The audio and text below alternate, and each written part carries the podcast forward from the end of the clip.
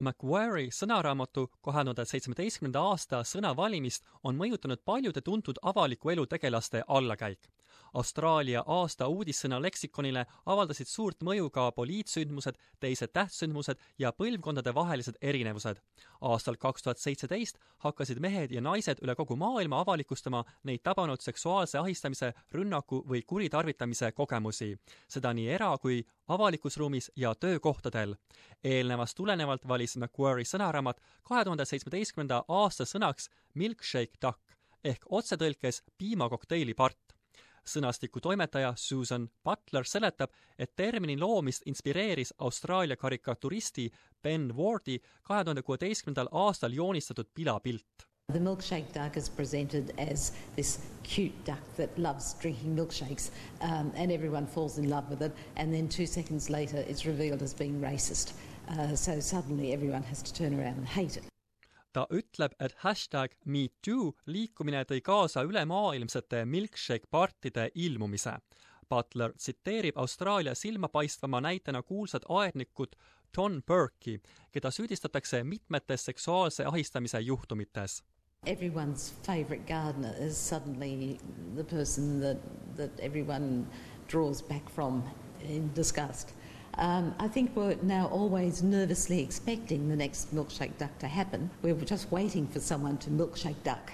This has been something that's uh, moving around the Western world, and we're in Britain as well. There have been people who've been outed for not behaving in a fashion that is thought proper for politicians or high profile people. There has been a succession of, of this kind of discovery around the world kaaspanelist doktor Karl Kruželnitski avaldab arvamust, et ka tulevikus hakkavad uudissõnade teket mõjutama ja suunama laiemad ühiskondlikud suundumused.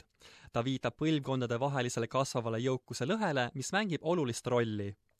Older people with wealth can have six or seven houses thanks to negative gearing, but younger people, for the first time, will be in the first generation after many generations to be poorer than their parents and not be able to afford to buy their own house. And there was a disparaging phrase, which is the smashed avocado generation. What that implies is that, oh, they're too busy spending their money on frippery to put down a deposit. But the point is, they're not going to be able to find half a million as a deposit. Macquarie sõnaraamatusse sisestatakse igal aastal vahemikus kaheksasada kuni tuhat uut sõna ja tähendust. Susan Butler ütleb, et poliitika ja keskkond on tavaliselt suured teemad, samal ajal kui toitu ja jooki mõjutavad tugevalt multikultuursed kogukonnad. näitena toob ta sellise uudissõna nagu poki. Poki on Hawaii salat, mis sisaldab toorest kala, soja, seesamiseemneid ja riisi. Kasutusele on võetud ka väljend dark state mis kirjeldab riigi bürokraatia, luure ja turvateenistuse töötajaid, kes töötavad demokraatlike protsesside ja institutsioonide kontrollimise ja mõjutamisega.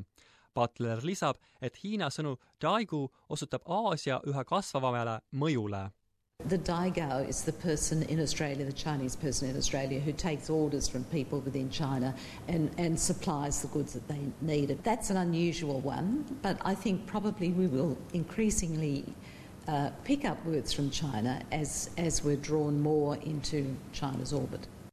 professor Ingrid Piller õpetab rakenduslikku keeleteadust Sydney Macquarie ülikoolist.